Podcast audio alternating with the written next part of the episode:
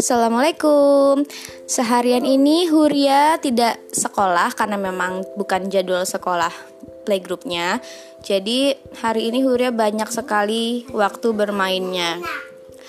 Dia bermain yang dari siang dimainin sampai sekarang jam setengah sebelas adalah main masak-masakan. Uh, pura-puranya dia baca resep, bikin kue, cupcake, bikin telur dadar gitu. Jadi Ibu Zia ngerasa dongeng malam ini kayaknya cocok nih kalau yang dibacain. Bu, aku nanti mau bikin cookie loh. Iya, bikin cookie ya. Tapi yang enak. Oke. Jadi Ibu Zia uh, pikir kalau hari ini malam ini cocok untuk dibacakan dongeng yang judulnya Lili dan kue yang tidak enak. Lily and the Yaki Cookies.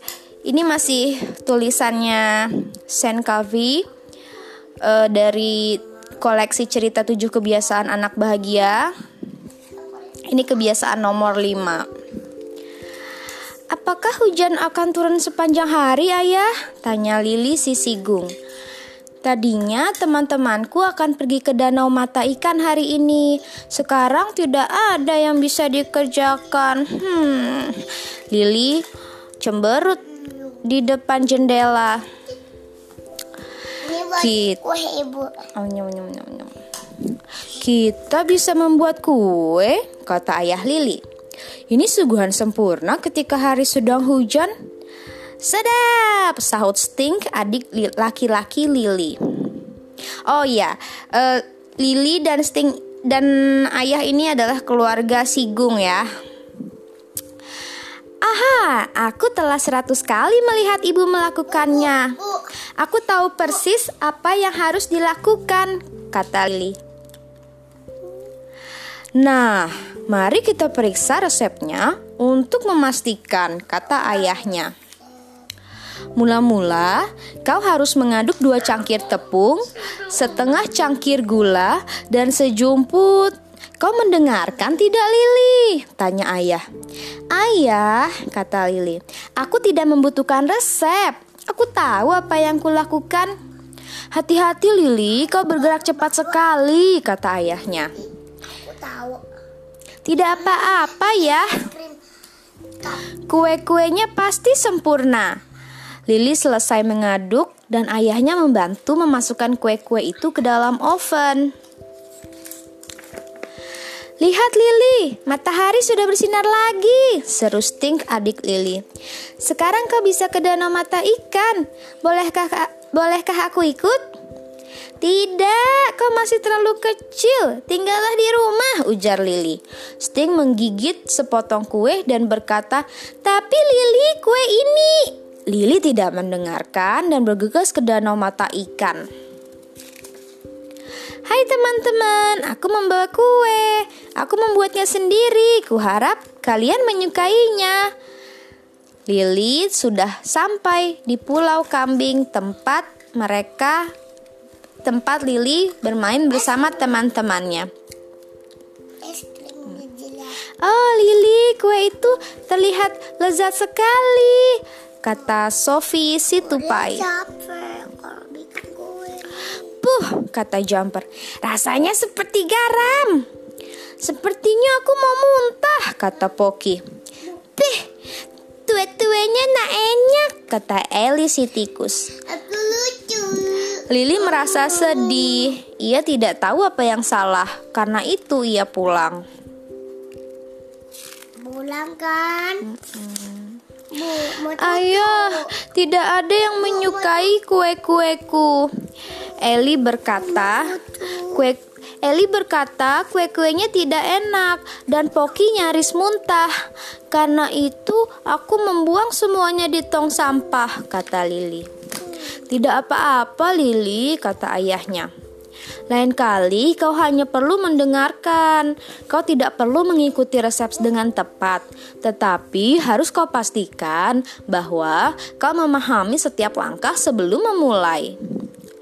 Hmm, bisakah kita membuat kue lagi? Aku janji, janji, janji akan mendengarkan kali ini. Lili membujuk ayahnya. Selesai makan malam, Lili dan ayahnya kembali ke dapur untuk membuat kue lagi.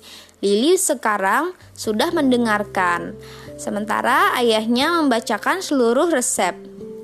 Sting berusaha membantu juga, tetapi ia malah terus memakan potongan-potongan coklat chip. Mau lihat? Oh, tapi kok cuma satu sih? Yang di mangkuknya banyak. Iya, nggak boleh banyak-banyak kan makan coklat nanti batuk. Iya. Keesokan harinya, Lili membawa kue yang baru untuk teman-temannya. Hmm, yang ini jauh lebih enak rasanya, kata Lili. Bu, kenapa? Namun tidak satu pun ingin mencobanya. Kenapa marah? Aku tidak akan mencicipi lebih dulu, kata Jumper. Akhirnya Ellie berkata, "Aku mau coba catu." Semua memperhatikan saat Ellie perlahan-lahan memasukkan kue di mulutnya. Ya, ya, ya. Ini benar-benar kue kue paling enak. Wih, wih, wih. Mereka semua mulai berebut makan kue. Sebentar kemudian, semua kue sudah habis. Kue-kue itu terasa begitu lezat di perutku, kata Gub. Bahan apa saja yang ada di dalamnya? Tanya Poki si landak. Hmm, kata Lili. Bahan rahasianya adalah mendengarkan. Hihihi. Selesai deh. Aku nggak dengar bacaan ucapan kenapa marah udah jadi marah juga. Oh, oh.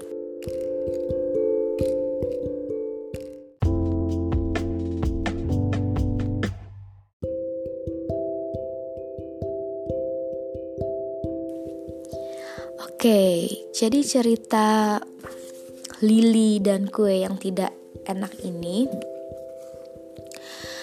eh poin yang bisa dipetik adalah sama seperti Lili yang harus belajar dari pengalaman yang kurang menyenangkan, berusaha memahami terlebih dahulu atau mendengarkan adalah unsur rahasia kehidupan. Secara umum, orang sungguh terlalu banyak bicara dan terlalu sedikit mendengarkan.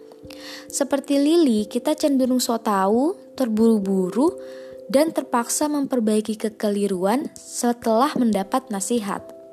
Kita terlampau sering lalai membaca petunjuk, memperhatikan dan mempertimbangkan, serta benar-benar memahami sudut pandang orang lain. Berusaha memahami terlebih dulu merupakan prinsip tepat di semua area kehidupan. Penulis andal akan memahami para pembaca terlebih dahulu sebelum menulis sesuatu. Dokter yang baik akan terlebih dulu mendiagnosis sebelum menulis resep. Ibu yang berhati-hati akan terlebih dulu memahami anaknya sebelum menilai atau menghakimi. Guru yang efektif akan terlebih dulu menentukan keperluan murid-muridnya sebelum mengajar. Nah, di dalam kisah ini Lili menyangka sudah tahu segalanya dan tidak mengambil waktu untuk mendengarkan. Akibatnya, kue-kue buatannya terasa tidak enak. Ketika ia mengambil waktu untuk mendengarkan dan mengikuti resep, kue-kuenya jadi terasa begitu lezat di perut, sama seperti yang dikatakan Gup si beruang. Hidup juga seperti itu, mendengarkan membutuhkan waktu, berusaha memasaha, memahami posisi pasangan, rekan kerja, atau anak membutuhkan waktu, namun juga menghasilkan kue-kue yang lezat.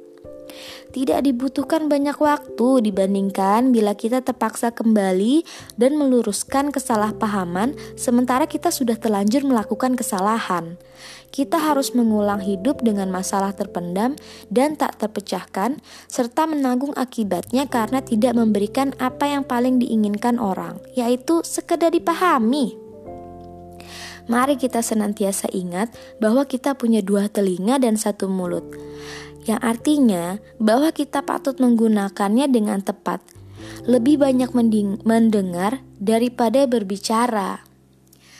Oke, mudah-mudahan hmm, ceritanya bisa uh, mengubah, uh, bukan mengubah ya. Mudah-mudahan ceritanya bisa memberikan kebaikan ya untuk semuanya. Bye bye, assalamualaikum.